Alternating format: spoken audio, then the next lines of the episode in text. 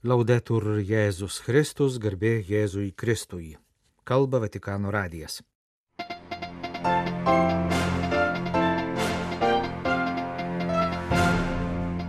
Popiežius priėmė Belgijos karalių ir karalienę. Audiencija ekumeninio biblistų susitikimo dalyviams. Tarptautiniu mastu žinomo Italijos jėzuitų žurnalo redaktorius skiriamas į Romos kuriją. Konstantinopolio patriarchas Baltramėjus lankosi Estijoje. Krokuvoje vyksta pasaulinės Luteronų federacijos susitikimas.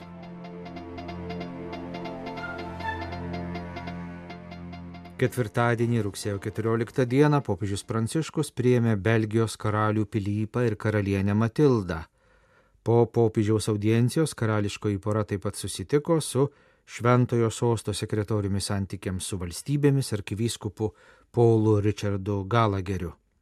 Kaip informuoja Šventojo sosto spaudos salė, per susitikimą valstybės sekretorijate buvo pasidžiaugta gerais Šventojo sosto ir Belgijos santykiais, pažymint krikščioniškojo tikėjimo ir katalikų bažnyčios vaidmenį.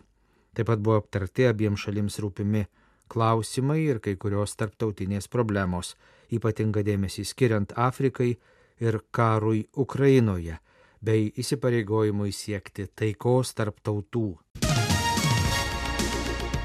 Labai svarbios apaštalo Šventojo Pauliaus įžvalgos apie tai, kaip Dievas ištikimai vykdo žmonėms duotą išganimo pažadą, sakė popiežius Pranciškus ketvirtadienį, rugsėjo 14 dieną susitikdamas su biblistais, dalyvaujančiais ekumeninėme kolokviume skirtame Šventojo Pauliaus laiškams. Loro Susitikimas, kuriame dalyvauja kelioms krikščionių tradicijoms atstovaujantys Šventojo Pauliaus laiškų tyrinėtojai, vyksta Benediktinų abatijoje prie Šventojo Pauliaus bazilikos už Romos miesto sienų. Šiuos susitikimus pradėta renkti po Vatikano antrojo susirinkimo ir šiemetinis jau 26-asis. Skirtingoms tradicijoms atstovaujančių krikščionių susitikimai, diskusijos iš skirtingų perspektyvų, laikantis griežtos mokslinės egzegetinės prieigos, siekia, kad išriškėtų apaštalo Pauliaus laiškų grožis ir svarba krikščioniškam ir bažnytiniam gyvenimui. Pasak popiežiaus, šie susitikimai iš tiesų yra drąsūs ir pranašiški. Drąsūs, nesiekiama įveikti nepasitikėjimo barjerus. Pranašiški, nes jie įkūnija tą dvasinį nerimą, kuris yra reikalingas, kad tęstųsi krikščionių kelionė link vienybės pilnatvės. Jei praeitie tarp krikščionių vyravo daug kančių sukėlusi nesantaika, tai šiandien turime įsipareigoti pakeisti kryptį, žengti vienybės ir brolybės keliu, kuris prasideda nuo bendros maldos, studijų ir darbo.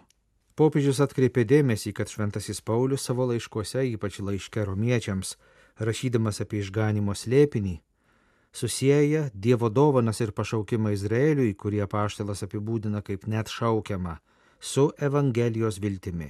L'Apostolo ci consegna un messaggio di fondamentale importanza che rappresenta ancora quel fondamento Apaštalas mums perduoda esminės svarbos žinę, kuri yra pamatas, kuriuo remdamiesi galime ne tik gilinti biblinės studijas, bet ir toliau puoselėti ekumeninį dialogą.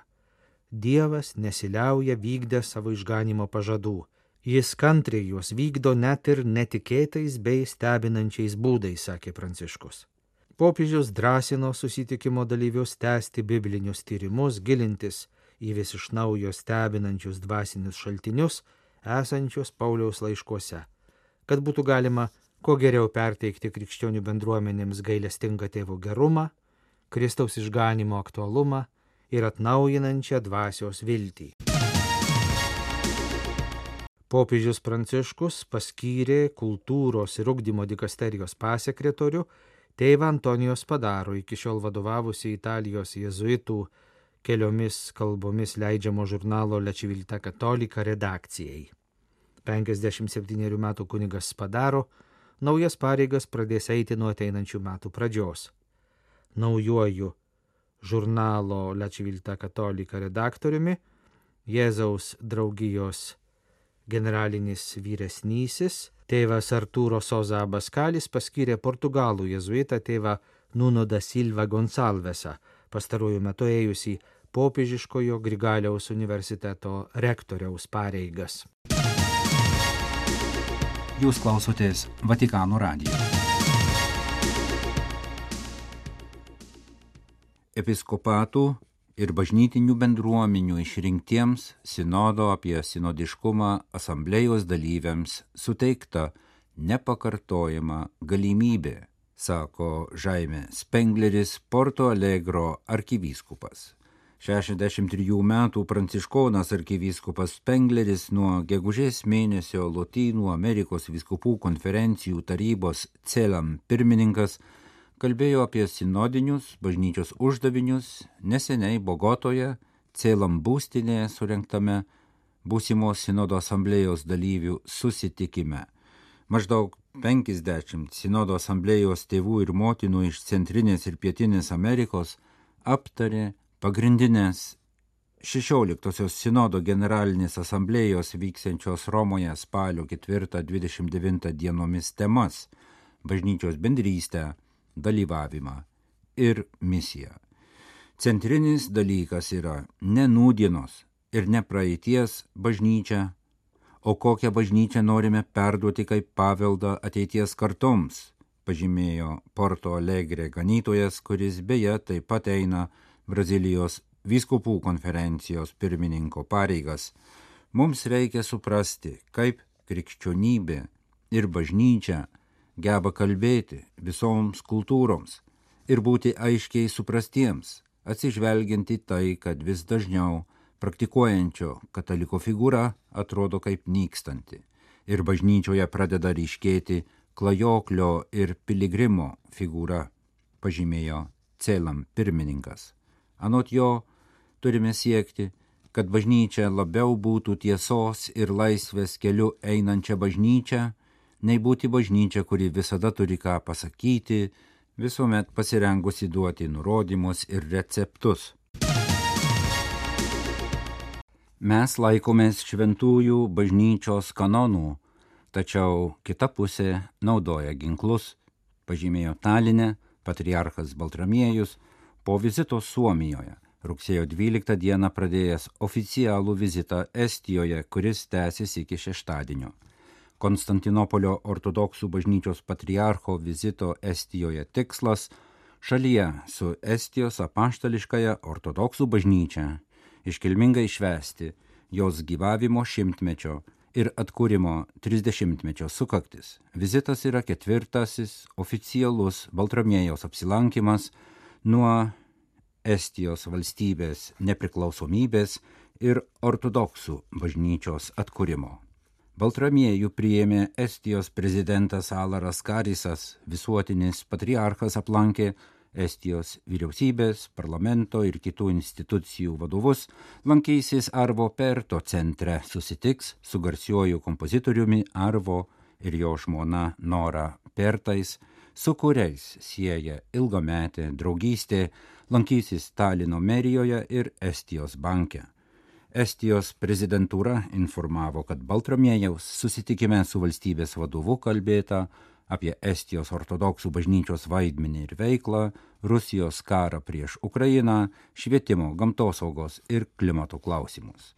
Rugsėjo 15 dieną prasideda oficialaus vizito pasturacinė dalis. Konstantinopolio patriarchas aplankys Estų ortodoksų bendruomenės Tartu, Verska, Varga, Pernu, Hjumą, Taline ir Arukilą. Kiekvienoje kelionės stotyje visuotinis patriarchas per susitikimus su ortodoksų tikinčiaisiais šves dieviškąją liturgiją, vadovaus padėkos pamaldoms. Kelionę užbaigs ekumeninės pamaldos Evangelikų Marijos katedroje Taline, kuriuose dalyvaus Estijos bažnyčių tarybos nariai.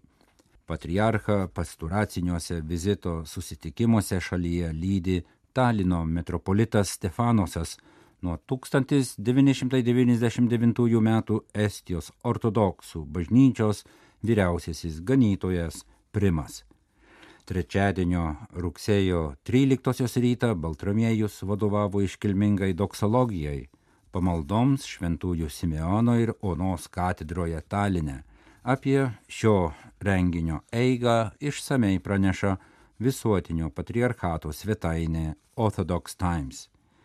Homilijoje patriarchas apžvelgė, kaip visuotinis patriarchatas atsižvelgdamas į Estijos valstybės, bažnyčios ir Dievo tautos prašymus 1923 metais Estijos apaštališkai bažnyčiai suteikė autonomiją. Rusijos bažnyčia bandė ginklu panaikinti visuotinio patriarchato Estijos bažnyčiai suteiktą savarankiškumo statusą. Jūs perėjote sunkius laikus, pažymėjo Baltramiejus, primindamas iš daugelio pareikalautą kankinystės liudyjimą metropolito Platono laikais.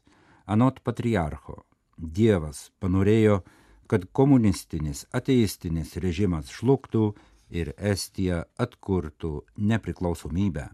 Tuomet bažnyčia ir valstybė vėl paprašė motininės bažnyčios atkurti jos autonomiją. Konstantinopolis noriai atsiliepė, vykdydamas savo kanoninę teisę, tačiau tai išprovokavo stiprią Rusijos bažnyčios reakciją. Ar net tas pats įvyko prieš keletą metų, kai Konstantinopolis suteikė autokefaliją Ukrainai, klausė visuotinis patriarchas Baltramiejus. Jis pridūrė, mes vykdome sprendimus pagal šventuosius bažnyčios kanonus, tačiau kita pusė naudoja ginklus, grasinimus ir nepaiso šventųjų ortodoksų bažnyčios kanonų ir tvarkos. Krokovoje rugsėjo 13-ąją prasidėjo pasaulinės Liuteronų federacijos susitikimas, kuris tęsiasi iki rugsėjo 19 dienos. Susitikimo tema - vienas kūnas, viena dvasia, viena viltis, perfrazuojantį apaštalo Pauliaus laiško efiziečiams eilutę. Tarp dalyvių Lietuvos evangelikų liuteronų bažnyčios vyskupas Mindaugas Sabutis. 13. Liuteronų pasaulinė asamblėja sušaukta praėjus šešeriems metams nuo paskutinės įvykusios 2017-aisiais Namibijoje, ko ne savaitės trukmės dabartinio susitikimo programoje apie 400 dalyvių, vyrų ir moterų iš visų žemynų, jaunų ir vyresnių, bendra malda, bendros diskusijos, įvairių ataskaitų pristatymas ir aptarimas, taip pat susipažinimas su Krokova, jos krikščioniška istorija, o susitikimo šeimininkė yra Krokovos evangelikų liuteronų parapija, gyvuojanti nuo 1557.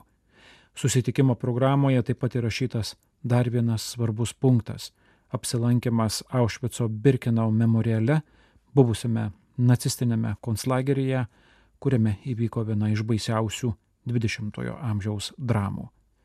Rugsėjo 5, 16 ir 18 dienomis trys pranešėjai pristatys po vieną pagrindinės temos elementą Apie krikščionių bažnyčių priklausimą vienam kūnui kalbės pastorė iš Indonezijos - Beni Sinaga, vadovaujanti Batako bažnyčios, vienos didžiausių pietričių Azijoje, merginų ir moterų seminarijai, turinčiai apie 170 narių. Apie vienos dvasios, vienybės link, fragmentuotame pasaulyje vedamas bažnyčios kalbės pastorius iš Etijopijos, Bruk Ajelė, taip pat vadovaujanti seminarijai. Pasak jo vienybės ir skirtingumo derinimas yra etiopų krikščionių kasdienybė. Krašte sugyvena 86 lingvistinės ir etninės grupės, šalyje veikia misionieriai atstovaujantis įvairiausias krikščioniškas tradicijas. Nepaisant visų skirtumų, yra įmanoma būti viena ir vienos dvasios bažnyčia. Trečiąją potėmę viena viltis pristatys buvusi Švedijos liuteronų bažnyčios vadovė, arkivyskupė Antie Jekelin, Pasak jos pačios, ji sieks parodyti skirtumą tarp krikščioniškos vilties ir paprasto optimizmo. Rugsėjo 14 dienos ryte bendro pobūdžio ataskaitą pristatė pasaulinės Luteronų federacijos generalinė sekretorė. Galima priminti, kad šias pareigas eina Estijos evangelikų Luteronų bažnyčios pastorė Anne Burkhardt. Ji taip pat yra pirmoji moteris paskirta į generalinio sekretoriaus pareigas po pastorės Burkhardt ataskaitos pagrindinį pranešimą 13-osios pasaulinės liuteronų federacijos asamblėjos dalyviams skaitė katalikų kunigas Tomašas Halikas iš Čekijos, žinomas teologas, bažnyčių ir religijų dialogo remėjas. Anot jo, bažnyčios, visas krikščioniškas pasaulis yra prie naujos reformos. Nei pirmos, nei paskutinės, nes bažnyčia, kaip sakė Augustinas Semper reformanda, slengščio. Reforma, formos transformacija yra būtina ten, kur forma trukdo turiniui, kuris slopina gyvosios širdies dinamiškumą. Krikščionybė širdis yra prisikėlęs ir gyvas Kristus, gyvenantis vyrų ir moterų tikėjime, viltyje ir meilėje, bažnyčioje ir už jos matomų ribų. Šias ribas reikia plėsti, o visas mūsų išorinės tikėjimo apraiškas reikia perkeisti, jei jos trukdo mūsų troškimo išgirsti ir suprasti Dievo žodį, pažymė kunigas Tomašas Halikas. Dvi lygiai grečiai įvykusios XVI amžiaus reformos - liuteroniškoji ir katalikiškoji - praturtino, atnaujino ir pagilino krikščionybę, tačiau kartu ją ir suskaldė. XX amžiuje taip pat prasidėjo dvi didelės paralelios reformos - globali sėkmininkiškos krikščionybės klaida bei Vatikano antrasis susirinkimas, žymėjęs pereimą nuo konfesiškai uždaros kultūriškai protestantizmo ir modernybei priešiškos katalikybės prie visuotinai ir ekumeniškai atviro katalikiškumo. Naujausia dabartinė reforma gali remtis abiem šiomis neužbaigtomis revoliucijomis ir taip žengti didelį žingsnį krikščionių vienybės link. Vienas kūnas, viena dvasia, viena viltis. Esu giliai įsitikinęs, kad krikščionių vienybės dovaną gausime, jei įsitrauksime į bendrą kelionę dar platesnio ir gilesnio ekumenizmo link sakė čekų teologas, ir pabrėžė, kad 21 amžiaus ekumenizmas turi eiti daug toliau nei praėjusio amžiaus ekumenizmas. Šios naujosios reformos tikslas negali būti vien krikščionių vienybė, nes įmanoma tik vieningos žmonių šeimos, prisėimusios atsakomybę už tai, kas ją supa kontekste. Būtina giliau suvokti ir priimti bažnyčios misiją ir esmę - būti veiksmingų ženklų, vienybės, į kurią visa žmonija yra pašaukta įrankiu, padedančiu susitaikyti ir gydyti mūsų bendro pasaulio žaizdas. Vienybės, kuri yra vienybė skirtingume, siekiame ne tam, kad krikščionybė taptų galingesnė ir įtakingesnė šiame pasaulyje, bet kad taptų tikėtina ir kad pasaulis įtikėtų. Mums patikėtą žinę turime perteikti patikimai, suprantamai ir įtikinamai. Įtampa tarp krikščionių kenkia jų žinios tikėtinumui. Kaip kadaise pirmoji krikščionių bendruomenė neliko viena iš žydų sektų, nes peržengė siauras kultūrinės ribas, kad perteiktų visuotinį, transcendentinį kvietimą, taip ir šiandienos krikščionybei būtina peržengti dabartinės mentalinės, institucinės, konfesinės, kultūrinės, socialinės ribas, kad galėtų vykdyti savo visuotinę misiją Ar prisidėsime prie to, kad mūsų liūdėjimas padėtų šį pasaulį paversti civitas ekumenika, ar savo abejingumu ir egocentrizmu tapsime tragiško civilizacijų susidūrimo bendrininkais. Ar tikinčiųjų bendruomenės taps dabartinių problemų, ar jų sprendimo dalimi, klausia kunigas Tomašas Halikas.